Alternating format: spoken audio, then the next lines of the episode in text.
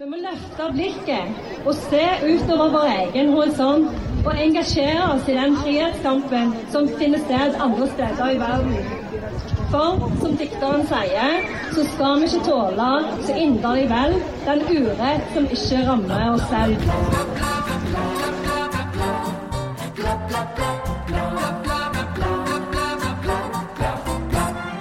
Vi har altså altfor få leger. Stavanger vil utdanne leger. Ola Borten må ha sjekka, men computer says no. Så da tar vi en runde med Jan sitt yndlingstema, sentrum periferi. Jan sitt yndlingstema er iallfall 17. mai, så hun skal framføre det hun ikke turte si høyt i går, i dag. Hipp, hipp!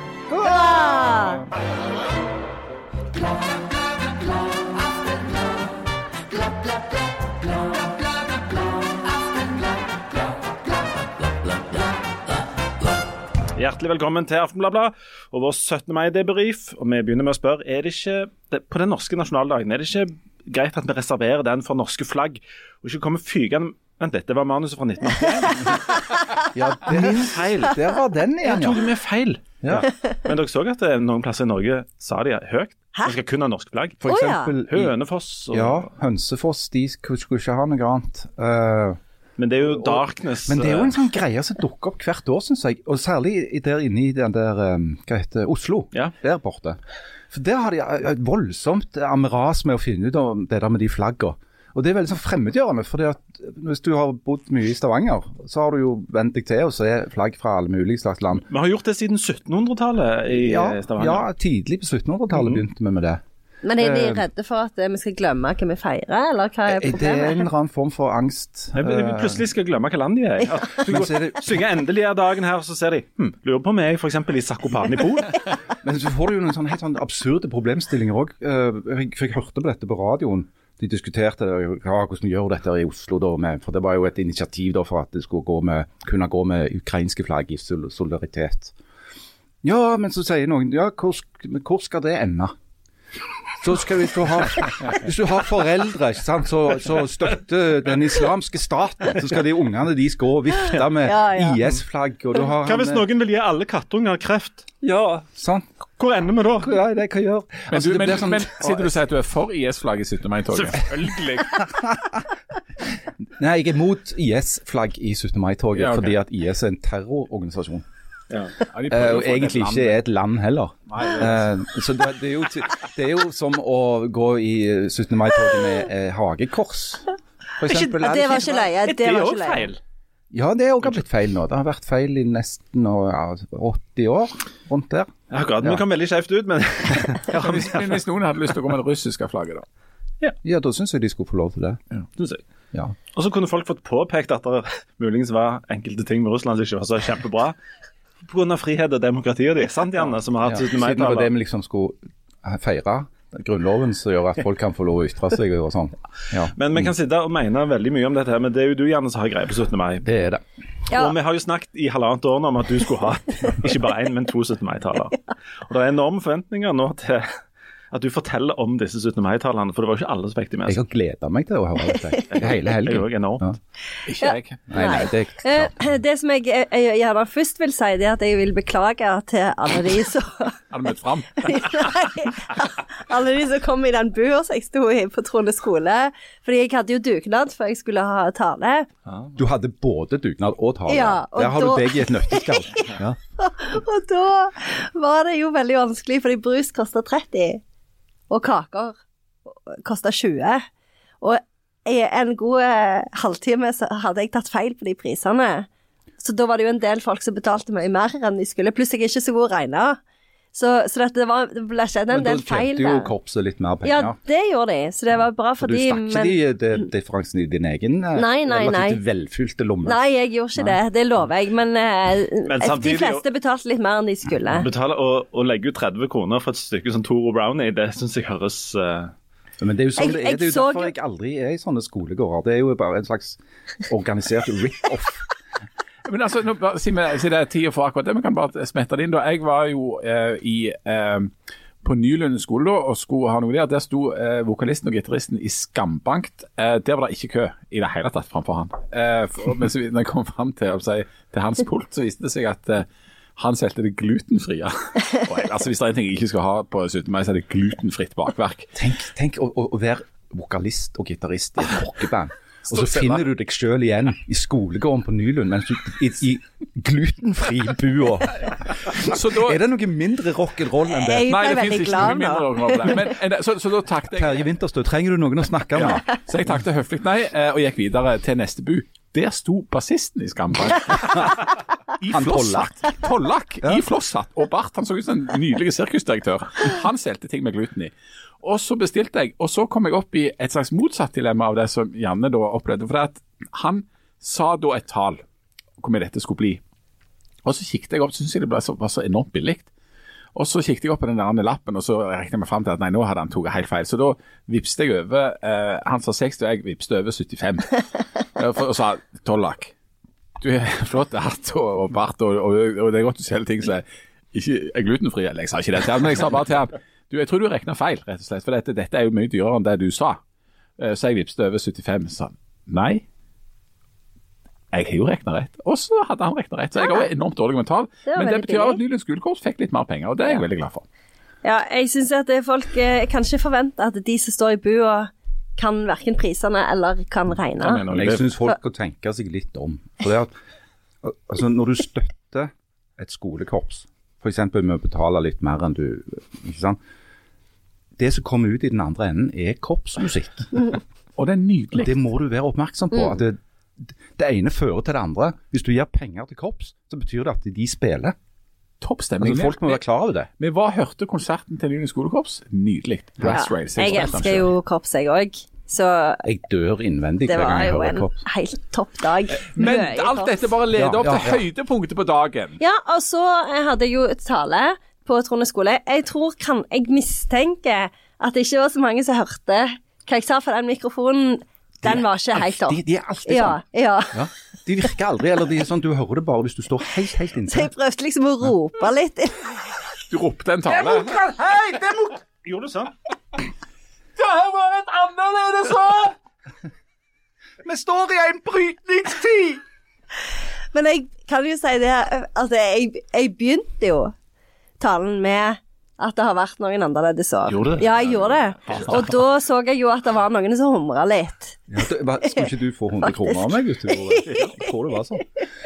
Kanskje du Jeg tror du må gi de 100 kronene til de som har kan betalte for meg. meg. ja. Vips de til et skolekorps, du. Altså. Ok, men, men eh, og, så, og så hadde du denne talen. Ja. Altså, norske mikrofoner avspaserer jo alltid 17. mai, så ingen Ja. hører.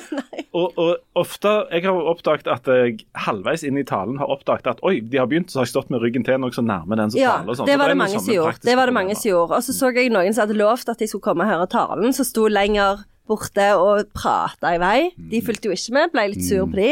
Eh, men, eh, men jevnt over så var det, det var mange som så ut som de hørte og nikte og, og klapte, så var veldig hyggelig. Eh, og så snakket jeg jo eh, For jeg, jeg leste et sånn intervju med Margaret Mead, antropologen, og hun sa at den det fremste tegn, altså Hva er liksom tegnet på at en kultur blir til en sivilisasjon? Det er, er det 17. mai-taler. ja, nei, er det, er det potte, pottekar? Er det liksom eh, eiendomsrett? Nei. Det er at du finner levningene etter et menneske som har et brukket lårbein. Fordi at det, hvis de har det, så er det et tegn på at noen har sittet seg ned med dette mennesket og leka det tilbake til helsa igjen. Eh, fordi at dyr, når de brekker beinet, så ligger de jo bare der, og så dør de. Og i et sånn et jaktsamfunn så skulle du tro at det var det samme, men det er det ikke. Eller i det øyeblikket det ikke er det, så er det en sivilisasjon. Så jeg Altså, snakket en del om det. Snakket en del om det brukte, brukne lårbeinet. Men som har blitt hela, da. Ja, som har blitt lega. Det tar lang tid. Ja, det var tar jo òg et sånn et enormt interessant funn uh, av et uh, neandertalskjelett. Uh, et barn i sånn 12-14-årsalderen uh, som var født med og Det kunne de se på skjelettet, en, en lidelse som gjorde at det barnet var helt pleietrengende hele livet. Og Likevel så hadde det blitt holdt i live så mange år. Hm. I Nederland. I, nei, jeg vet ikke om det var Det tror, ikke neder. Nederlender du jeg tror det var i Polen i dag, da. På en måte. Nede i Zakopane. Ja, det er òg sakopane. Uansett, det nå, da, nå skled jeg helt ut. Jeg har eh, gode kilder på at du òg har snakket om klipping av hekk. At du var nokså opptatt av det. Ja, fordi at eh, når jeg jogger jogga på fredag, så var det kjempefint. For da så jeg jo at folk var ute og klippa hekken, de var ute og plukka søppel. Det var mye aktivitet. Forberedelser til 17. mai. Begynte jo å grine bare av det. Så, så, det Så du, du sprang grinende under gaten i Sandnes? jeg gjorde det. For det var så fint. allerede på fredag. Du var, du Det var fremdeles mange dager igjen. Det er et nydelig bilde, det. Der springer ei, ei kjemperik ei eh, grinende under gaten på Sandnes mens hun svetter og puster og, og, tenker på demokrati og, og brukne lårbein. ja, og kaker som skulle blitt bakt. Og at Men, men, men, eh, men det, det var jo bare me men, dette men det var jo bare den ene. Du hadde jo to. Ja, ja, ja. Altså, så, etterpå så var det jo selve rosinen i pølsa. ja, og etterpå så fikk jeg jo lov å være med på en sånn en lunsj eh, sammen med 17. mai-komiteen og en æresgjest eh, på Villa Skeiane. En æresgjest. Fikk du, ekstra, en, en, en fikk du ekstra betalt for det? Hun som var eh, eh, dirigent for Viva. Ah, Koret. Akkurat. Eh, hva sa du nå? Om du fikk ekstra betalt for å måtte ha den? Jeg fikk ikke betalt for noen ting. Tror ikke du gjorde noe utenfor? Nei. Åh, Janne, så grisk. Hvorfor er dette en greie? Skal jeg gå nå? Vil dere ikke jeg skal være med i podkasten lenger?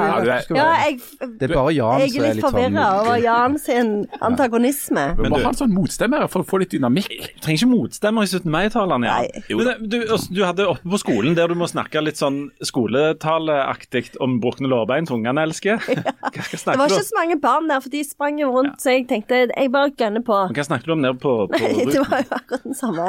Jeg hadde Samme tid til å lage to, to taler, og eh, det var ikke så mange folk på Trones. Så jeg Tenk på tenkte alle de som hadde gått fra Trones ned for å høre De hadde jo ikke hørt hva jeg hadde sagt uansett. Det var ikke helt den samme. Jeg la til litt på, um, på, um, Du smurte på litt. på ruten. Ja, jeg gjorde det. Eh, Sa du noe om at vi ikke må ta disse frihetene for gitt? ja, jeg At vi må det. kjempe for dem hver dag? Jeg sa det at, eh, at eh, det er ikke bare vår frihet heller, men kanskje tenke litt utover eh, landegrensene. Jeg har snakket med ei som var og Eller fått melding fra ei som, som var og så deg. Og Hun hadde altså stilt seg opp tidlig for å få god plass. Hun hadde tatt med seg en unge som jeg tror er sånn 12-13 år, og som sto litt sånn motvillige mens hun snakket, og begynte å dra i bunaden og ville gå. Og så hadde mora sagt nå må du høre etter. Hun her er faktisk en ekte professor i engelsk. Og der ungen svarte mamma, jeg driter så enormt mye i det. Men mora syns talen var strålende. Tusen takk, det var veldig hyggelig. Ungene i dag er men ikke jeg- så lette å imponere. Nei, og heller ikke folk flest. Nei, Men jeg lurer på en ting. for det at Folk flest vanligvis når det gjelder 17. mai-taler, står jo der og gjesper. eh, og synes, altså for dette, det, det virker så på En måte, altså en står jo og lirer av seg de der flosklene og sier det der ting om at vi må ikke ta dette for gitt. Jeg har gjort det selv i et bjør- bjørkeris på Bryne torg. Eh, og det blir veldig sånn festtalepreg på det. Men det har vært fordi at det har vært fredelig, og fordi at det ikke sannsynligvis har, blitt, har følt som om det var satt på spissen. Men var det annerledes i år fra talerens perspektiv? Fordi at hvis, nå, nå er det noen helt konkrete påminnelser på at dette faktisk ikke er selvsagt, og at det ikke bare er festtaler, og at, eh, at det står noe på spill nå. Var det en annen oppmerksomhet rundt 17. mai-talen i år enn Ja, jeg syns det. Eh, Og jeg syns at eh, for meg personlig så var det jo veldig sterkt. Fordi at det, det er ganske spesielt å stå eh, etter tre år uten 17. mai og ha en tale i eh, et Europa som er i krig. Eh, og og um, så, så jeg syns, eh, jeg syns at det faktisk var ganske sånn sterkt. Og, og jeg syns det virker som folk fulgte med. Og, eh, og, og så er det jo òg sånn hvis jeg skal dra det ned på lokalplan, så er det jo òg ganske stas for oss i Sandnes å ha fått Nyruten. Fordi det er faktisk et rom som folk bruker i byen. Eh, før var det jo sånn at du måtte begynne å jogge litt allerede når du var i Langgata, eh, og så bare spurta idet du kom over ruten, eh, sånn at du ikke skulle bli heroinist på vei ned til Vågen. Men, men nå er det jo faktisk et sted hvor det er familier, og hvor folk oppholder seg, og hvor folk har det kjekt og koser seg. Men du kan fortsatt få kjøpt heroin? Ja ja, selvfølgelig, men du trenger liksom ikke Du blir ikke pådytta heroin. Du Nei, nei, kan liksom både- unngå det. Du må ville heroin og pølser? Ja. Men se, sånn sett utenfra, jeg er ikke noen sånn voldsom entusiastisk i 17. mai-feirer. Jeg gjør de ting jeg må, men, men jeg syns allikevel å merke at det var en litt sånn ekstra energi der i år. Altså det var, det var noe mer futt, og, og jeg lurer på om det har noe med at det er liksom tre år siden sist eh, noen gikk, og, at, og med det bakteppet at folk er klar over på hva dette går i. det begge deler. Men det, men det må jo være det, det er det er jo en, helt sikkert en kombinasjon av det. Men jeg, jeg syns òg at det der bakteppet med at uh, vi har en krig i land som iallfall kan minne om oss, er, gjør um, all- alle de der, det der vi snakker om, om sånn frihet og, og ut- demokrati, alt det der tingene mye mer alvorlig. Og eh, kontrasten er, mye, er mye nærmere oss nå enn han, enn han har vært før. Um, og jeg synes jo også at denne norske tradisjonen med barn, altså at det er sånn barnetog og ikke militærparader, det sto jeg og tenkte på i år. At jeg syns jeg ser ganske mange sånne opptog med sånne tøffe lastebiler med fire sånne raketter på, fra en del land som vi jo ikke har i Norge. Um, så uh, kan det være at vi hadde en litt annerledes 17. mai. det handler jo òg om at land har jo forskjellige nasjonaldagstradisjoner. Uh, vi er jo et av de landene som, i likhet med f.eks. Frankrike og USA, feirer Grunnloven.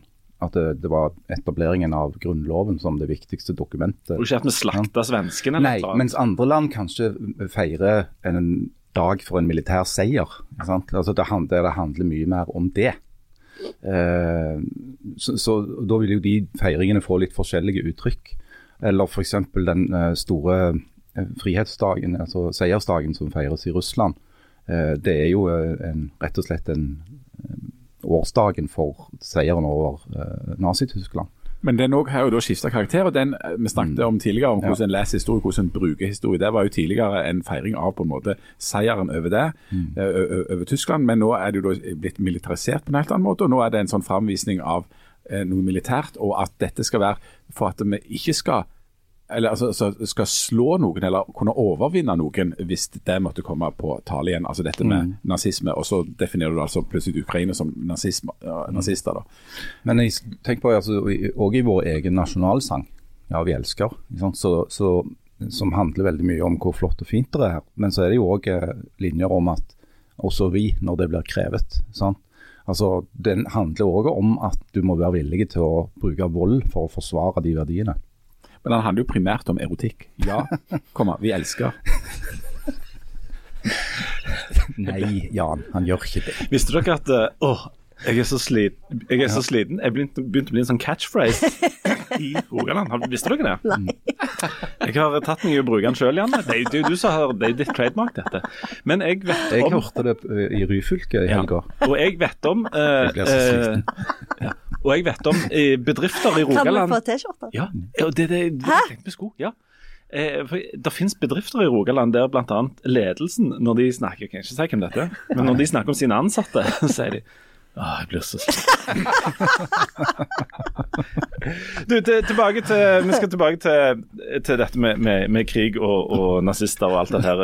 Nå er det jo um, Mens vi har feiret 17. mai, blir dere veldig overrasket over at der, resten av verden holder på med vanlige ting på 17. Ja, jeg var bare sånn Hvorfor forvirret. er det eh, ting om andre ting i, på Instagrammen Ja. min? Hva er det de holder på med? Er de på vært- jobb? Jeg har jo vært på fjellet i, i helgen og bare hatt radioen uh, til, til selskap. Eh, og da hører jeg nesten alltid på, på NRK Nyheter, for der kommer BBC World Service. Og der var det ingenting av 17. mai. Ikke ett ord. Og ikke engang våre venner svenskene og finnene har jo, respekterer jo at vi, at vi skal ha fri, for de driver og styrer med søke medlemskap i Nato Ja. rundt 17. mai. Så de sånn nå, har dere spørsmål Ja. om den Vi òg vil ha søknaden. oppmerksomhet, Ja. liksom. Ja. Nei, vi kan ikke være med på stulten i år fordi vi skal søke medlemskap i Nato. Blir så sliten. Blir så enormt sliten. Ja. Nei, jeg kan ikke, skulle gjerne bakt jødekaker, jeg, men vi skal søke medlemskap i Nato i dag. Sånn, det blir ikke noen klassetur på de. Nei, det blir ikke mye blir ikke noe går. Ok, Men alvorlig Ja.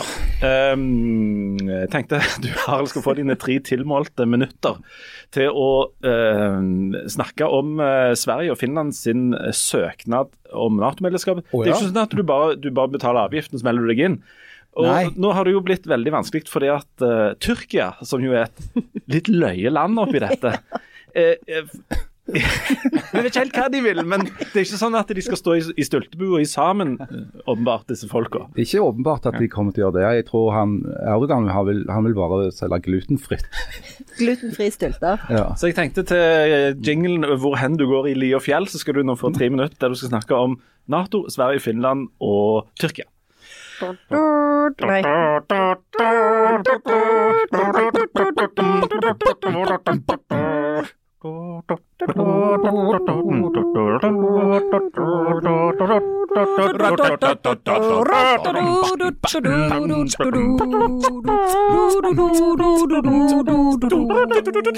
Kanskje det var nok, Ok, faktisk. For Det er jo veldig følte sang. jeg begynte virkelig å komme inn i det. Om dere, Egentlig- om dere kan være stille Ja, men jeg, Egentlig skulle vi hatt tre minutter med bare sånn uh, Om dere kan være stille nå, så skal jeg forklare, prøve bitte litt om dette her. Det som nå har skjedd, og som er offisielt bekreftet, det er at både Sverige og Finland har sendt, eh, formelt sett og sendt søknaden om å bli medlemmer i forsvarsalliansen Nato. Eh, hvis noen hadde spådd at dette skulle skje f.eks. rundt nyttårstider i år, så hadde ingen trodd på det. Og Grunnen til at dette kunne skje, er selvfølgelig eh, den nye sikkerhetspolitiske situasjonen som har oppstått i Europa etter at Russland invaderte Ukraina den 24. februar. Eh, og det, dette, er, dette er et politisk jordskjelv i begge landene, som hver på sin måte har hatt en tradisjon for å være alliansefri, eller nøytrale. Eh, I Sverige så mener en at dette er en tradisjon som strekker seg 200 år tilbake. altså etter Karl 12. sine eskapader i Europa som endte relativt dårlig, f.eks. med et forferdelig nederlag i dagens Ukraina, en plass heter Poltava. Så eh, har svenskene lagt seg på en linje som er at de skal være nøytrale og alliansefri. Eh, Finland på sin side de har ikke en sånn lang nøytralitets... Eh, filosofi. Eh, Finland sin utenrikspolitiske linje etter avslutningen av andre verdenskrig har vært rett og slett pragmatiske. De har vært eh, utstudert nøytrale i forhold til sin store nabo, Sovjet, senere Russland. Fordi at eh, krigen mellom Sovjet og Finland i 1939, såkalte vinterkrigen, og fortsettelseskrigen, som eh, skjedde da i 1944, eh, førte til et stort militært nederlag for Finland til slutt. Finland måtte avstå store landområder i Karelen til Russland, eller Sovjet. Og det har hele tiden vært en sånn balansekunst for finnene å håndtere at de har denne lange grensa mot Russland. Eh, når de nå sender søknaden, eh, som jo vil bli, eh, tror jeg, innvilga til slutt, så betyr jo det at plutselig at, at NATO sin grense direkte mot Russland blir jo mye lenger enn den var. Jeg husker ikke helt tallet, men lurer på om det er 1300 km grense mellom Finland og Russland. Og Den lille hiccupen som skjedde da, det var at etter at Sverige og Finland da hadde annonsert dette, så begynte president uh, Recep Tayyip Erdogan i um, Tyrkia og brumma og sa at dette syntes han ikke hørtes ut som en god idé. Blant annet så mente han at Sverige var et land som husa terrororganisasjoner. Da sikta han sannsynligvis til at en god del kurdiske tilhengere av den kurdiske arbeiderpartiet, PKK, fikk politisk asyl i Sverige. Eh, PKK har eh, stått på terrorlister i, i eh, Tyrkia i over 25 år. Eh, mange spør seg om motivene Erdogan kan ha for å eh, liksom legge hindringer i veien for en, en søknad. og Det er vanskelig å si. Eh, men de siste 20 Nei, det er litt lenger. De siste ti åra har forholdet mellom Tyrkia og Russland, som historisk og tradisjonelt har vært erkefiender, eh, blitt eh, voldsomt eh, mye mer jovialt. Erdogan og Putin er politisk allierte, har f.eks. vært eh, det i forhold til krigføringen i Syria. Eh, det kan jo òg hende at Erdogan ønsker seg å legge større press på EU.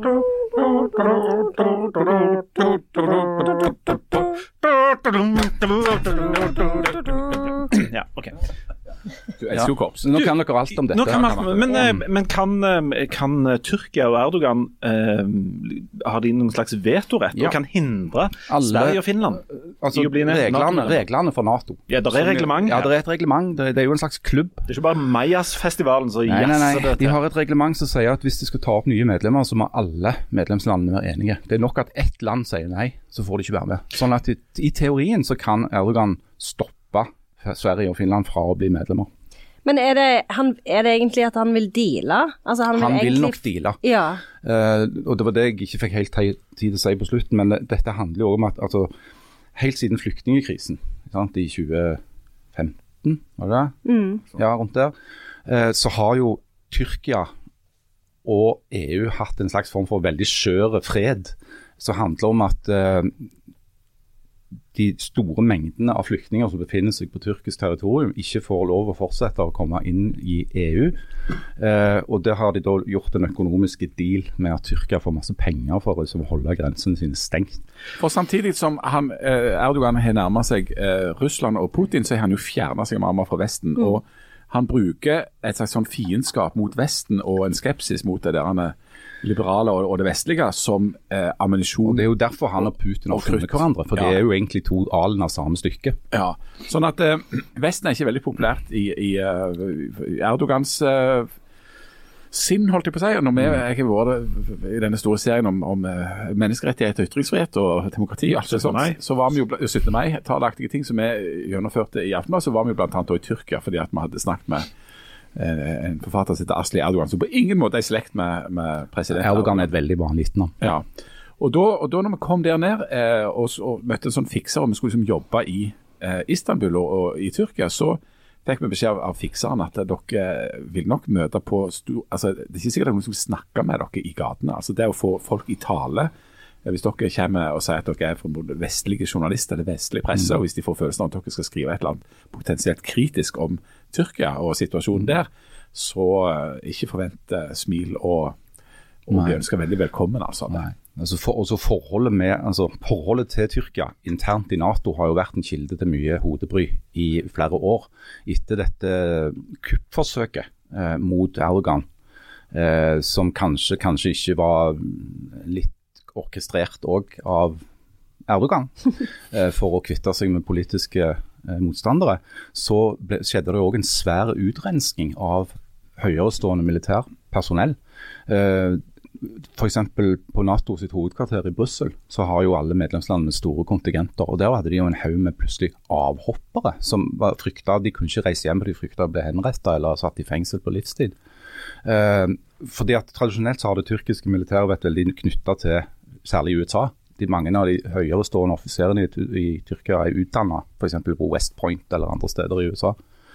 Um, sånn at det, det er, altså det, at det at altså Tyrkia har på en måte tatt så mange skritt vekk fra det liberalt demokrati-idealet og mot noe som ligner mye mer på et autokrati med veldig sterke fundamentalistiske og nasjonalistiske tilsnitt, gjør at det er liksom Hvordan skal de behandle det? Kan- et land som er et diktatur f.eks. være med i Nato? Det er også greit vanskelig å ha 17. mai-tale i Tyrkia, fordi at det er så mye forskjellig.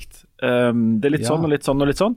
Det er òg et element her om at det er et valg som begynner å nærme seg i Tyrkia. ikke sant? Der Mhm. Erdogan for første gang siden 1730 eller noe, eh, muligens ligger an til å tape.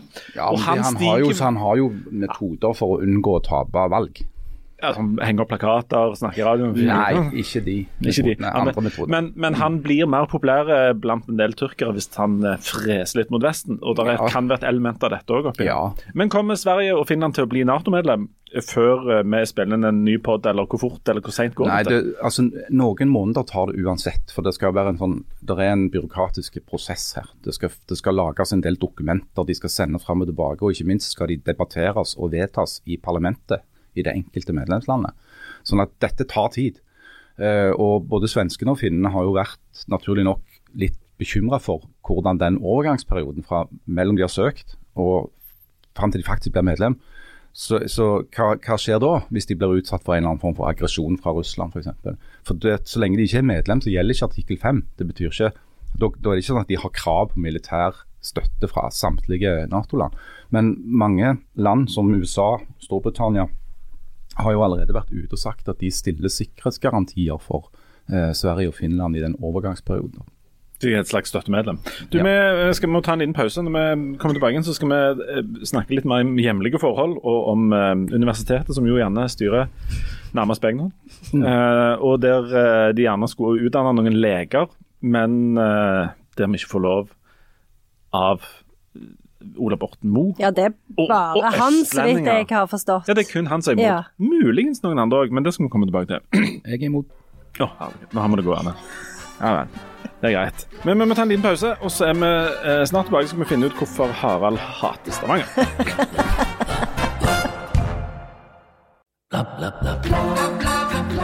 Hjertelig velkommen tilbake til Harald hater Stavanger-halvtimen her i eh, Aftenbladet. Men du, vi må snakke bitte litt om, om det folk elsker først. Det er jo altså vi må jo ha lov til å være bøsne når det var sånn at forrige gang vi lagde pod, så sa vi det som fram til noe vi ikke hadde sagt til noe, men det viste seg at vi hadde ledig i kalenderen den 28. september for å ha liveshow i Stavanger. Og så viser det seg at det er enormt mange som ikke hadde planer den kvelden. At de var ledige, det er et ledig rom i kalenderen. Og så kjøpte de billett. Så solgte vi bare ut rett og slett den eh, greia der. Det kan ikke være de en- som ikke fikk billett til det der showet til Hans Morten i Konserthuset. Sannsynligvis Ja, er det det er det. nok det. Og så, var det så mange som kjøpte så mange billetter så fort at før vi visste ordet, så måtte vi pinlig legge ut en ekstra forestilling. Hva skjedde med den, Jan? Ja, Den er så godt så utsolgt. Hæ, er det sant? Den er så godt så utsolgt. det er noen få billetter igjen, men hvis du vil ha billetter der, så må du være ganske raskt ute om det. Jeg kan raskt informere om at uh, på disse liveshowene på det første så er det én billett ledig. Det ytterste setet helt øverst til venstre på den ytterste fløyen på den innerste rekka på galleriet. Én billett. Og på den andre er der, eh, der er det 20-30. Og det er de siste. For etter, etter det så, så kan vi ikke mer. Eller vi vil ikke mer. Nei, jeg skal på jakt. Vi kan jo ikke slite oss ut heller. Nei, det. Vi kan ikke det. Men det Men, er sikkert ikke mer å si etter de to rundene der. men vi gleder oss enormt til de to forestillingene. Og, og, til dere som eh, har lyst på en billett der, så er det altså Nå skal jeg sjekke her. Tre, det er kanskje 25 billetter igjen på den siste forestillingen. Og når de er gone, så blir det ikke mer. Og til dere som hører på dette og f.eks. bor i Oslo, så er jo dette en utmerket anledning til å ta seg en tur hjem. Eller om ikke hjem, så iallfall til, til byenes by, Stavanger. Kan jo oppleve mye annet òg. Gå på liveshow, én ting. Gå ut og spise. eh, Bare gå rundt og se hvor fint det er. Sånne Men du Harald, har jo òg googla hvor mye kosta det å leie Oslo Spektrum et par ganger nå, bare med tanke på at uh... Ja, jo, altså jo jo det. Hvor mye koster det å leie Nei, det var litt dyrt, så, så jeg tenkte Men hvis vi kanskje kunne sett på andre så Sentrum Scene, Rockefeller og de tingene der. Noe sånt. ja, Fornebu Arena er det For, ja, Valle Hovin. ja, mange sånne plasser. Ja, men ikke, skal vi ta sjansen på å ha sånn utendørs? Det blir ikke så intimt. Nei, det blir liksom ikke sånn tid. Også hvis mikrofonen ikke er Hvis det er sånn Er så 17. bra. mai-mikrofon, Ja. så ingen hører etter, og alle bare står med ryggen til. Ja ja. Uansett. Ja, ja, du, uansett. eh, de liveshowene blir kjekke. Eh, Det er veldig få billetter igjen. Eh, Kanskje de er allerede gone når vi har fått lagt ut dette, men dere får være om dere, dere som vil ha. Sist uke ble det altså klart at det ikke blir noen legeutdanning i Stavanger. Ole Borten, Ola Borten Moe fant fram denne litt sånn strenge utestemmen og sa at nei. Nei, så er det på sånn Nei, Ja. ja. de snakker jo litt ned med puttene nede i skolen. Ja, ja, så det ja. Men det var litt for sånn lystig. Han høres ikke så glad ut. Ja. Jeg kunne ha hjulpet dere, men det blir ikke noe. ja. Og det var bare sånn eh, no. Han har altså eh, tenkt over dette her og vurdert det, og eksperter har sett på det. eh, Og sånt, og vi trenger jo å utdanne flere leger. Det er jo utvalg som mener vi trenger å utdanne dobbelt så mange leger som vi gjør i dag. Og i, sånn som det er nå, så er det monopol i fire norske utdannings, i byer, utdanningsinstitusjoner. Det er riktig. Ja. Um, og Stavanger vil gjerne, og det har vært en voldsom mobilisering her for å få dette til. Ja, ja, men. Så er er spørsmålet hvorfor er det så om å gjøre at Stavanger ikke skal få utdanna eh, leger? Det er et godt spørsmål. Eh, Hvis Harald sa at han, var, at han hater Stavanger, så får han snakke etterpå. Han. Men, men eh, han om det. Um, men det har jo blitt jobba voldsomt for i Stavanger. da, for at Stavanger har jo et relativt ungt universitet. Det er um, Sammenlignet med de der fire store som har vart mye lenger. Eh, det betyr at Stavanger jobber med på en måte å øke sin portefølje, og størrelse og viktighet, og, finne sin identitet, rett og slett, og bli eh, en viktig utdanningsinstitusjon. Um, og Som et ledd i det, så har de jo sett på medisinstudiet. Det er jo ikke sånn at, at Stavanger er helt sånn utelukka fra medisinrundene og medisinstudiet, fordi at folk som studerer medisin andre plasser kan komme til Stavanger og ha praksis her, f.eks. Altså, så det er litt sånn utveksling der. Men så har de jo sett på at, eh, at det mangler jo leger i Norge. Altså, Noe av- bakteppet nå er at per i dag så er det altså 150 000 nordmenn som står uten fastlege, f.eks. Så det er en fastlegekrise som det ikke finnes noe quick fix på. Det er for få leger. Eh, og store deler av de legene som er her, de er jo da utdanna i utlandet, i et utenlandsk eh, helsesystem. Så da har jo Stavanger argumentert med at okay, vi mangler leger her i landet. Vi har både lyst og kapasitet og vilje til å utdanne flere leger, og så har de spilt det inn. Og da støter de på noe bastant motstand eh, noen plasser, og det er ikke bare Harald Birkevold. Harald Birkevold, skal du si noe først om hvor motstanden kommer ifra, eller skal jeg ta det òg? Motstanden kommer jo fra de etablerte universitetene eh, og de miljøene eh, som eksisterer der. Eh, og ifra de politiske allierte disse miljøene har. Eh, og Det har jo blitt ganske klart, og egentlig en ganske pinlig sak òg, fordi eh, de rogalandspolitikerne på Stortinget som har prøvd å, å liksom ordne opp i dette her. For det at både f.eks. Hadia Tajik, eh, tidligere nestleder i, i Ap, var jo ute og meldte at nå var det på stø kurs her, hvor det gikk veien. Og Geir Pollestad fra Senterpartiet var ute i samme ærend. Og alle ville liksom inn i denne her kampen for å eventuelt kunne høste æren av at det ble eh, et vedtak om at Stavanger skulle få legeutdanning. Men de hadde jo fullstendig misberegna sitt publikum. Det viste seg jo at de ikke hadde støtte i sine egne partier for dette her. Det har vært tunge helsepolitiske folk, sånn som f.eks. hun eh, Kjersti Toppe i, i Senterpartiet, som er lege. Um, som har vært en innbitt motstander av at Stavanger skal få en medisinutdanning. Eh, Janne, hvorfor er det så enormt viktig for Universitetet i Stavanger å få utdanna leger? Kan vi ikke utdanne andre, andre folk, eller? Det er jo viktig å være et, sånn et eh, universitet som har på en måte alle fagområdene, og at du ikke blir, et at du ikke blir oppfatta som et sånn et eh, universitet som bare fokuserer på olje og petroleumsteknologi. Og britisk litteratur. Ja, det er jo ingen som snakker om, men det gjør vi jo òg. Eh, men eh, jeg, så jeg tenker jo at det er enormt viktig for Universitetet i Stavanger både å få medisinutdanning og å, å få juss. Fordi at det, nå har vi jo bare en bachelorutdanning i juss. Eh, og, og på begge de to studiene så er det jo, sånn som Jan sier, eh, enormt vanskelig å komme inn, eller og at vi har for få, altså vi har for få leger. Eh, det er enormt vanskelig å komme inn. Mange må reise til utlandet.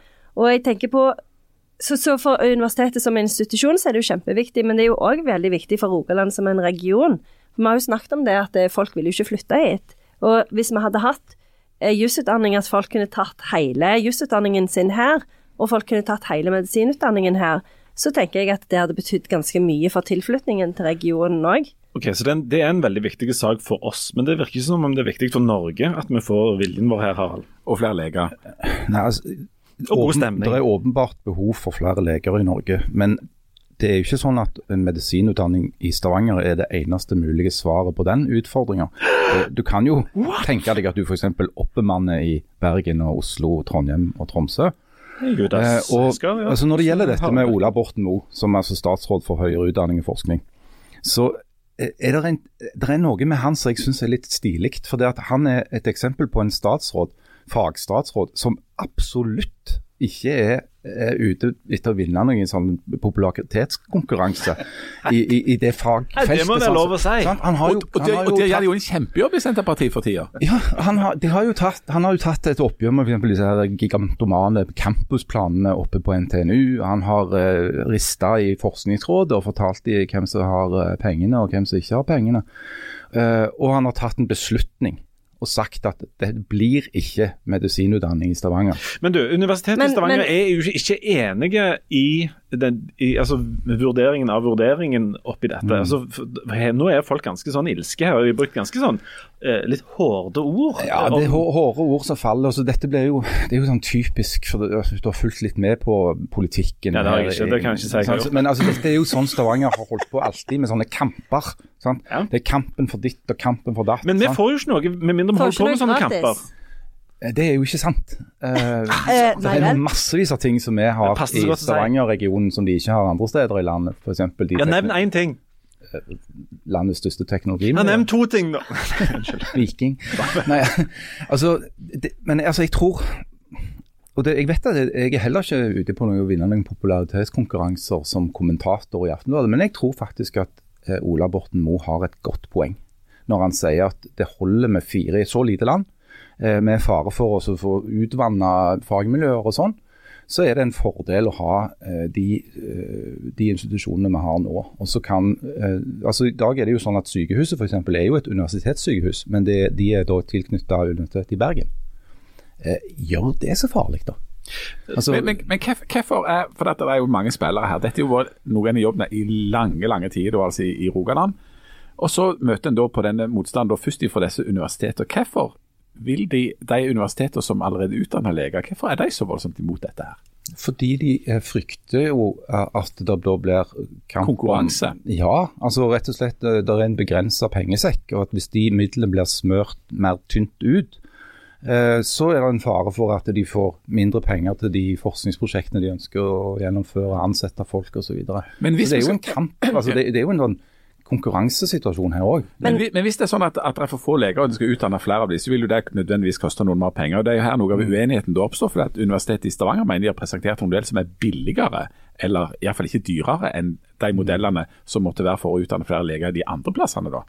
Og, det, og det er jo der de nå noe, altså det er jo ikke det er knapt noen strid lenger, for nå har jo på en måte universitetet da gått til det sjeldne skrittet rett og slett, at prorektor har skrevet brev offentlig i avisa der han anklager Borten Moe for enten å ikke ha forstått grunnlaget han har fattet beslutningen på, eller at han lyver, og avslutter med å, å skrive at en ikke har, kan ha tillit til han. Og det er ganske Det er ganske harde Og ord. så Ja. tenker jeg at det, det har jo selvfølgelig med prestisje å gjøre òg. Altså klart at de fire universitetene har lyst til å beholde den statusen som de har, som de, som de eldste, de, de største eh, og de, de, de beste eh, universitetene. Så, så det, at det, er jo klart at de ikke har lyst, og at eh, Stavanger skal få verken juss eller, eller medisin. Det var vel bare Men- ja, jeg- Men, men det er sånn symbol og prestisje og jåleri der, da. Jo, jo, men det er jo det, og det er jo, altså det òg er jo en politisk sak. Eh, så, så, så det syns jeg ikke altså Det kan det jo ikke være noen tvil om. Ja, så og det, sånn har det jo vært i alle år, helt altså- fra vi begynte å kjempe for å bli jo- universitet. Vi må jo tenke på at hvis det er sånn at vår region hele tiden driver og fører sånne kamper, om det nå er for en tunnel fra A til B, eller om det er et nytt bygg, eller hva det er for noe, så gjør jo alle de andre regionene det samme. Sant? Og, men av og til taper vi. Fordi at de andre hadde bedre argumenter eller, eller eh, større politiske kjøttvekt. da. Det er jo ikke mer enn et år eller to siden. Jeg husker ikke om det var rektor eller direktøren på Universitetet i Bergen som gikk av. Eh, og direktøren, ja. Og, og ble intervjua og, og ble spurt bl.a. hva han var mest fornøyd med eh, å ha oppnådd. Så sa han det var stansa medisinutdanning i Stavanger. Ja, for da, kan, da kan han snakke fritt. og Det var velsigna ærlig. da.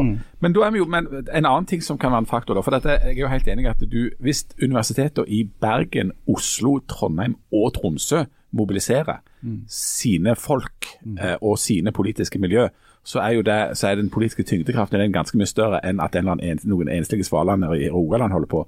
Men det blir iallfall ikke bedre av at vi nå sitter med en regjering der det ikke finnes noen representasjon i for dette fylket. Altså, Det er ikke sentrale politikere eh, herifra, rett og slett. Og det er klart at politikere fra de ulike delene av Norge kjemper for sine saker og sine regioner og sine områder. Ja, og så blir det jo litt sånn ord mot ord på en måte òg, for du sier at du er enig med Ola Borten Moe, men han sier at nei, det er bedre at de får beholde medisinutdanningen fordi vi er for lite land, vi er for få. Men Stavanger sier at nei, vi kan klare å lage et fullgodt studie her. Så det er jo litt sånn Noen mener det, og noen mener det. Så må du på en måte velge. Du kan jo ikke vite 100% hva som er riktig. Og I Norge er det vel ganske mange sånne ting som helt sånn rasjonelt og regnearkaktig eh, som bare hadde vært rett, rett og bare lagt alt til Oslo. Det hadde vært det mest rasjonelle. Men så er, handler jo eh, dette som en del andre ting i Norge om en del om distriktspolitikk òg, gjør det ikke det?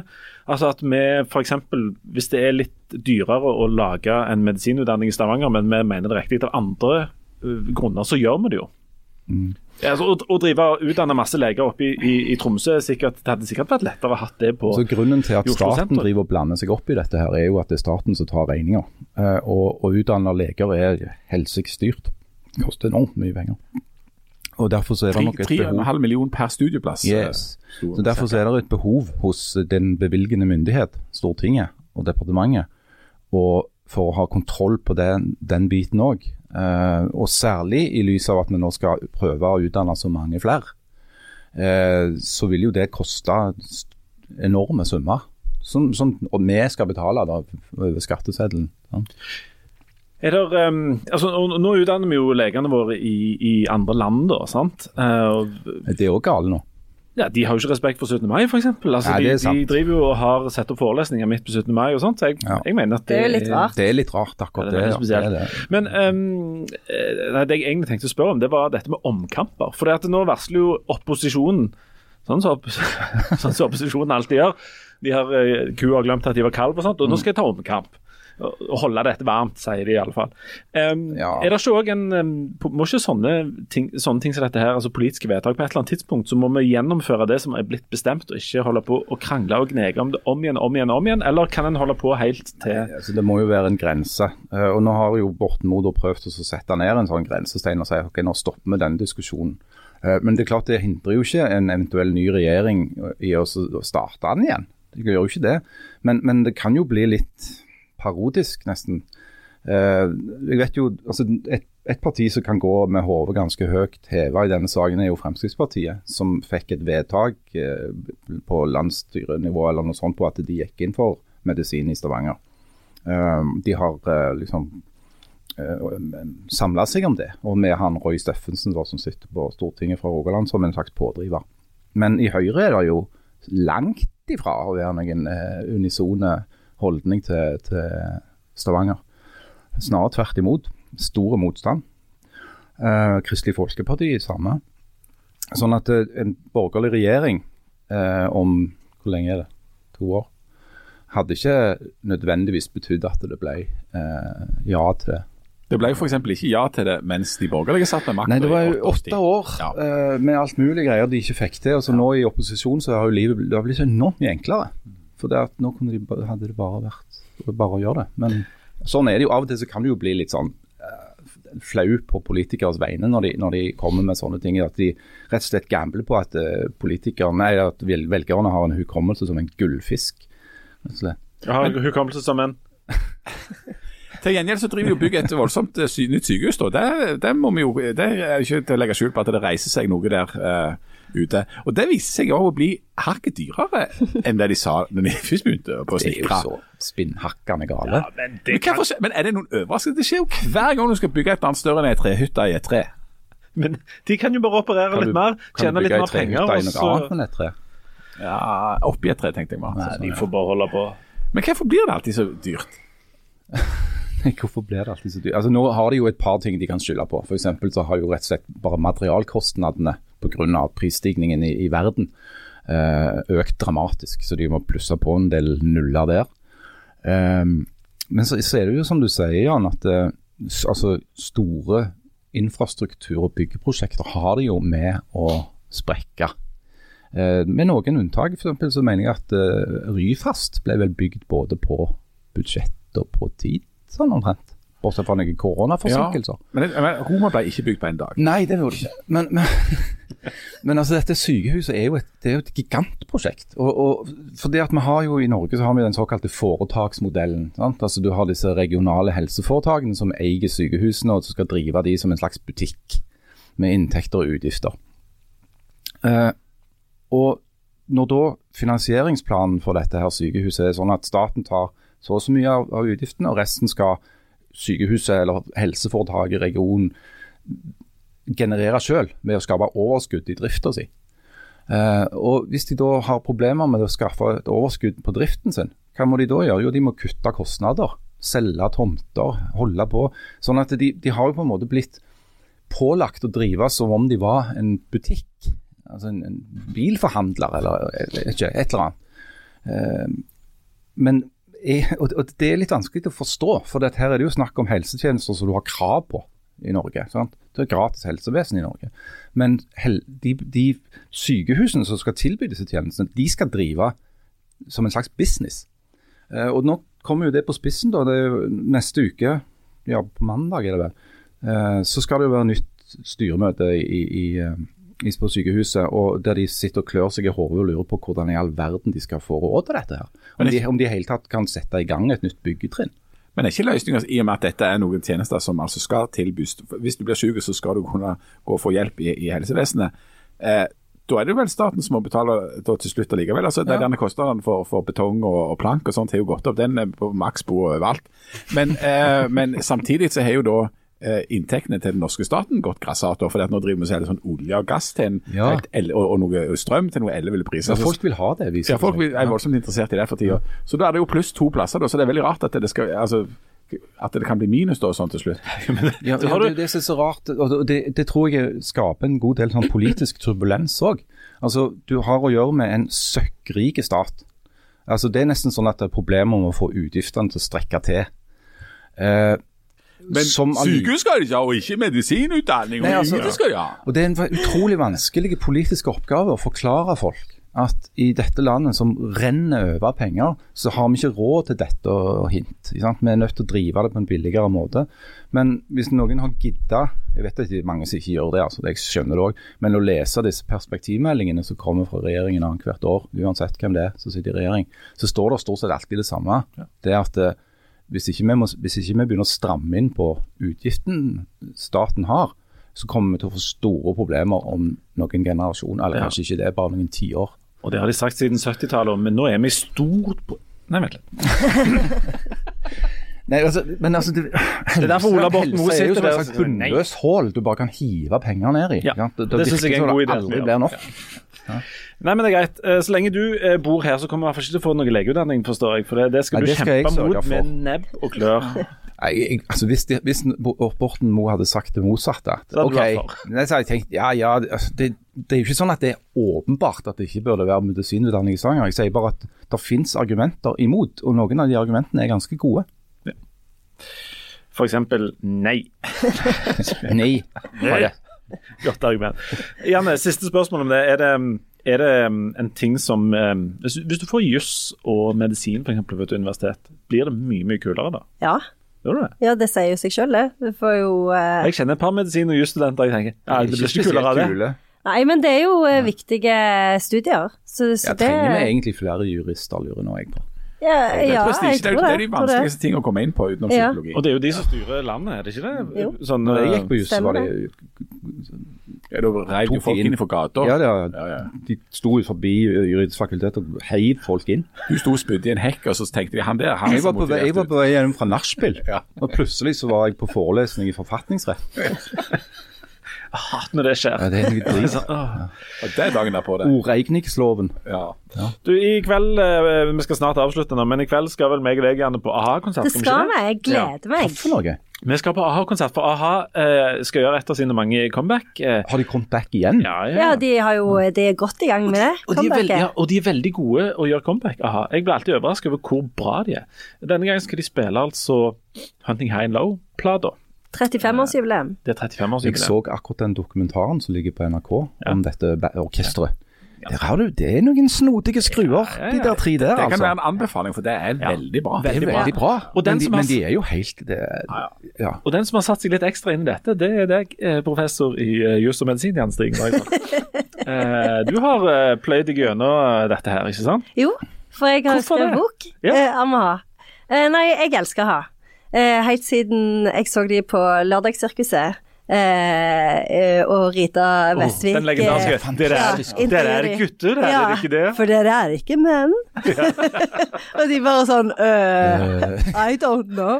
Du hadde både merkelige kostymer òg. Ja, ja, for det var jo ikke mangel Mm. på merkelige kostymer. Det fantes det en del av i manesjen. Men du har elsket de siden det, og nå har du skrevet eh, bok om de. Mm. Og spesielt om denne plata. Ja, nei, ja, nei. Om East of the Sun, West of the Moon. har den, ja. Fordi eh, det er jo fjerde, eh, det legendariske fjerdealbumet. fjerde fjerde albumet. Ja. Så, så eh, Men eh, nå er det jo eh, Men egentlig så er, mm, liker jeg veldig godt eh, Hunting High and Low, eh, albumet som de skal spille i dag. Har du, du har også sett denne dokumentaren, sant? Det som er litt interessant der, eh, er jo den der litt sånn tilbakeskuende eh, greia de har, der de reflekterer som litt sånn eldre menn over at de sjøl ble framstilt som yngre menn i en periode. Det er ganske kjekt å se på. De ble jo framstilt som om de var sånne unge fremadstormende popstjerner. Som de nå syns jeg var ganske teit. Men det er jo veldig var jo det løye. de stilte opp alle de der idiotiske jentemagasinene og dette her greiene. sant? Altså, Hvis de hadde lyst til å bli sett på som et sånn seriøst band, så var det jo var det sannsynligvis det de burde unngått. da. Men de, Ja. gjorde jo, de gjorde jo alt det som skulle til for å bli populære. Noe som førte til at De ble populære. Nemlig. Men det er jo veldig interessant, fordi den tida når uh, Take On Me kom ut, det var jo ei sånn ei tid hvor uh, popmusikken fremdeles var ganske ung, uh, og hvor det liksom fantes veldig sånn eh, At du ble veldig sånn fort typecasta, og det ble jo å ha veldig fort De hadde jo lyst til å spille litt sånn eh, kul eh, musikk som eh, veldig mange likte, men som gjerne ikke bare ble likt av unge jenter som hadde plakater på rommet. De hadde lyst til å bli likt av kritikerne òg. Ja, de hadde det, så, det, så det, det er jo eh, den der eh, eh, mangelen på komfort som du ser oss ha i dag, den har de jo hatt med seg hele tida. Det er det som gjør de til et så interessant band òg, syns jeg. For de er liksom så ukomfortable med alle ting hele Ja, de er på en måte sånn Uansett de motvillige. Ja. De er motvillige stjerner. Ja. Fordi På på et tidspunkt så bestemmer de seg jo for å bli sånn voksen eh, popband, sant? Og, og, og gå rundt i sånn cowboyutstyr. ja, og det er jo East of the Sun, West of the Moon. ja. Og da, fordi at de, de, og det er en slags reaksjon på noe de har gjort før, og, jeg synes, og det er kjempeukomfortabelt eh, neste gang igjen. Når det er en sånn en, eh, den, do, den dokumentaren som ligger på NRK, er det ligger ikke? der. Ja. Men det som jeg syns er veldig ja. Ja, men det som, jeg, det som jeg syns er veldig rart med a-ha, det er jo at det, de er jo gigastore. Og de har solgt helt sykt mye eh, album, og eh, de har eh, Jeg trekker jo folk på konserter over hele verden. Det er villmanns mye folk som går på konsertene deres Ja, i utlandet. Og derfor så syns jeg det er så enormt rart at vi ikke snakker mer om å ha. At, det ikke, at vi ikke analyserer tekstene til Paul Wachter, Savoy, og at vi ikke snakker mer om det fenomenet som a-ha er. Eh, så, så jeg syns at det, det er rart at liksom denne eh, dokumentaren hadde jeg gleder meg kjempemye til, men jeg syns det er rart at vi ikke Men liksom kanskje det er rett og slett fordi de er så vanskelig tilgjengelige. Han ene bor eh, borte i New York og bare snakker på, svarer på engelsk, selv om du snakker norsk med han.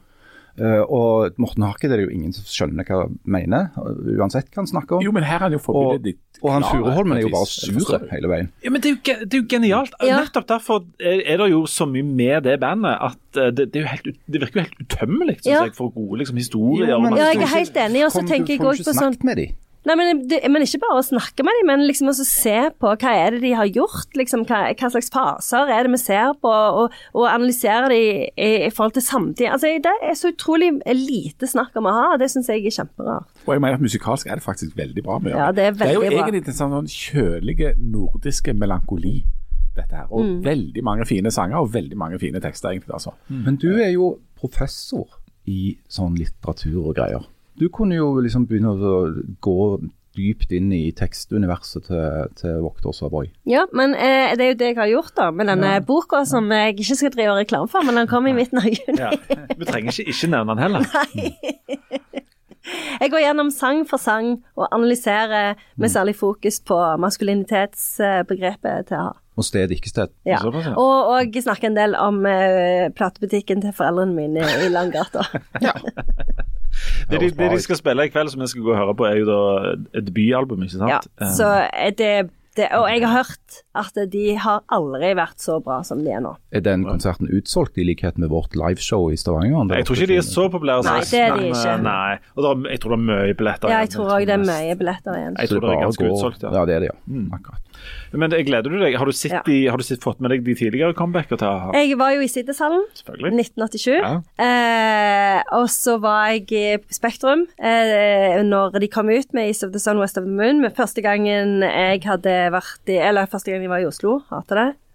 Livredd hele tida. Det er kun Eh, Harald som elsker det, for han hater ja. Stavanger. Ja, uansett. Og så dette, så dette blir den tredje.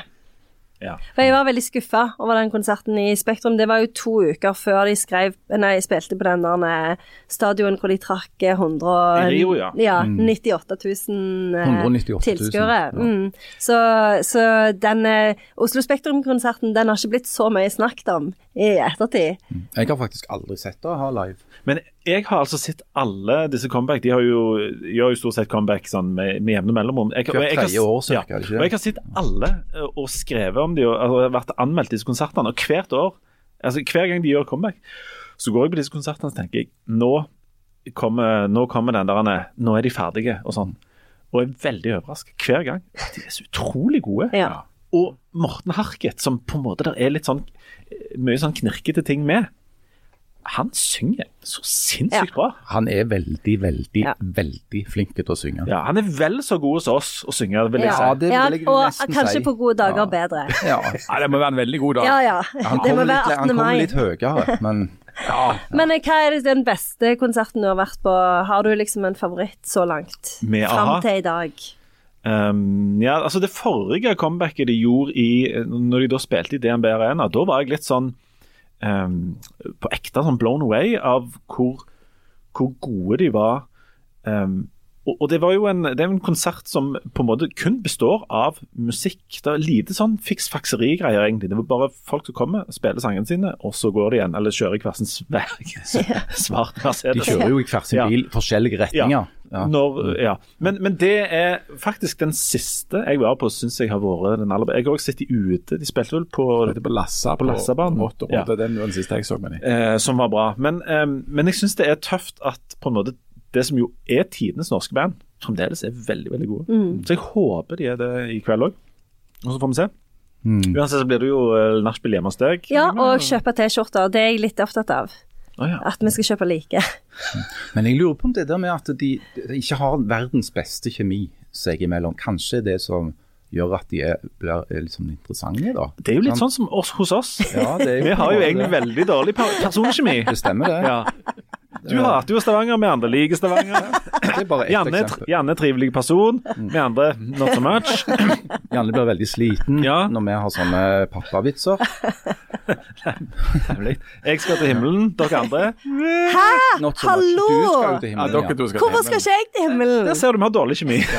Kjempeproblem. Jeg skal bare ned i synkehullet. Ja. Jeg tror vi skal gi oss nå. I likhet med a-ha, så gir vi oss og så mulig Åh, comeback. Kan jeg komme med en anbefaling? Ja, du skal alltid gjøre det når vi har gitt oss med en lag. Ja, OK. Eh, har dere sett denne serien som heter Slow Horses på Netflix? Den er skikkelig bra. Og Den den, der spionkomedien. Nettopp, fordi problemet er at av en eller annen grunn så skriver de på Netflix en sånn en omtale av den serien, sånn at det ser ut som en slags sånn serieversjon av Hjelp, vi flyr. Og det er det ikke, for det er ikke det sånn Se på denne herlige, crazy, vittige komedien fra MI5. Og det er det ikke. Den er veldig spennende, veldig gøy, veldig bra skuespillere. Gary Oldman og Kristin Scott Thomas og mange andre britiske folk. Og det er en sånn spionserie eh, som, som handler om liksom eh, Jeg trodde det var sånn fjols til fjells. Ja, greier. jeg vet det, jeg vet det. Det de er sånn liksom det den ser ut. avdelingen hvor alle de er håpløse, de som ikke er, er særlig gode til det der med å spionere, at de havner der, liksom. Hva, hva heter han? Slow Horses. Slow Horses, ja. Og de har allerede eh, faktisk spilt inn sesong to. Så den kommer seinere ja. Even Men Slower Horses. Yes. Kjempe, kjempebra. Nå kommer jo de lyse, lange, flotte sommerkveldene du kan sitte inne og se fjernsyn. Ja, Hvis så du f.eks. har pollenallergi, så kan du sitte inne. Det kan du. Og hvis du har lyst til å virkelig sitte inne kun helt alene på det aller aller bakerste setet i Stavanger, på den ytterste nøgne ø, så er det ett sete igjen på den ene for- liveforestillingen vår, og 2030 igjen på den andre. Og så eh, Nå eh, legger vi opp, og så får vi se om vi i likhet med a-ha eh, har så dårlig personkjemi at vi gjør et comeback neste uke. Men nå takker vi for oss. Takk. Ha det. Farvel. En gang så var jeg i Zakopane i Polen Ja. på jobb Ja. med en polsk fotograf som heter Masiek Nabrodalik. Jævlig flinke. Eh, og vi var der for å snakke om med ungdommer i den byen. Og så kom han til å nevne at Zakopane det er en sånn plass der folk i Polen, når de skal gifte seg, da de har utdrikningslag. ja, ja. Las Vegas, liksom. Ja, en slags. Det er Polens slags Vegas. Og og der er det vanlig at de da går på sånn strippebar. Ja. Tusen takk. Sant? Titty Ja. bars. Titty Bars. Og da, Dette var jo sånn ca. ti år siden, så jeg var kanskje ja, i begynnelsen av 40-åra. Og så sa jeg til Og ukjent med dette. Jeg sa til Masi jeg har aldri vært på et strippebar, en, en sånn puppeplass. Som seg hører bør. Og han nekta å tro meg. Hvordan kan du ha levd i 42 år og aldri vært på strippebar? Hadde Liksom? du Vanskelig aldri- å forstå. Hadde du aldri vært på strippebar når du var 42? Hva er Aldri. gale med deg? Aldri. Har du Det nærmeste jeg? Selvsagt. jeg det nærmeste jeg har kommet strippebar, har vært på, jeg var på Hooters. Ja. Men der har de jo, de har jo noe klær. på. Har du vært på mannlige strippebar, Janne? Nei. Jo, Det det har jeg vært. Der har jeg vært. Jeg har vært på sånn homsebar i, i Miami Beach. Ja, jeg havna på en Som homseklubb i New York. dagtid var en uh, ganske bra sjømatrestaurant. Ja, det begynte Og- på litt av hvert der. Og så satt vi der og spiste, hadde kjempegode sånne krab, krabber, sånne softshell crabs, Hvor, husker jeg. er vi inne på sånn tre forskjellige strippebarhistorier nå? nei, og alt var helt fint. Kjempefint, god mat. Er vi fremdeles i Sarkopane? eller er Nei, nå er jeg med Miami. Og så, Å, ja. For da kom jeg på at jeg har faktisk vært på, men det var ved et uhell. På en måte, for det viser seg at jo etter, si, etter klokka ni eller ti om kvelden, så ble den sjømatrestauranten til en homsebar. Eller den kirka ble til en alle, Vi har jo alle vært Sånn det. at de, men, det, men jeg, tror det, jeg tror det er på en måte ekvivalenten til kristendommen, så at den plutselig bryter ut i sånn tungetale. Hva da? At det plutselig Da blir fant At det jeg går fra sjømat til at det blir en homsebar Jeg med fant meg sjøl igjen da stappende en femdollarseddel ned i trusestrikken til en fyr som var full av sånn babyolje. Åh, jeg kunne fortalt mange historier ifra Please don't. ifra den mangfoldige verden, for å si det sånn. Jo, men det er Jeg vil vite om det. minst mulig om verden på sliten. generell basis. Ja. Ja, du er jo sliten av verden. Ja, jeg gjør det.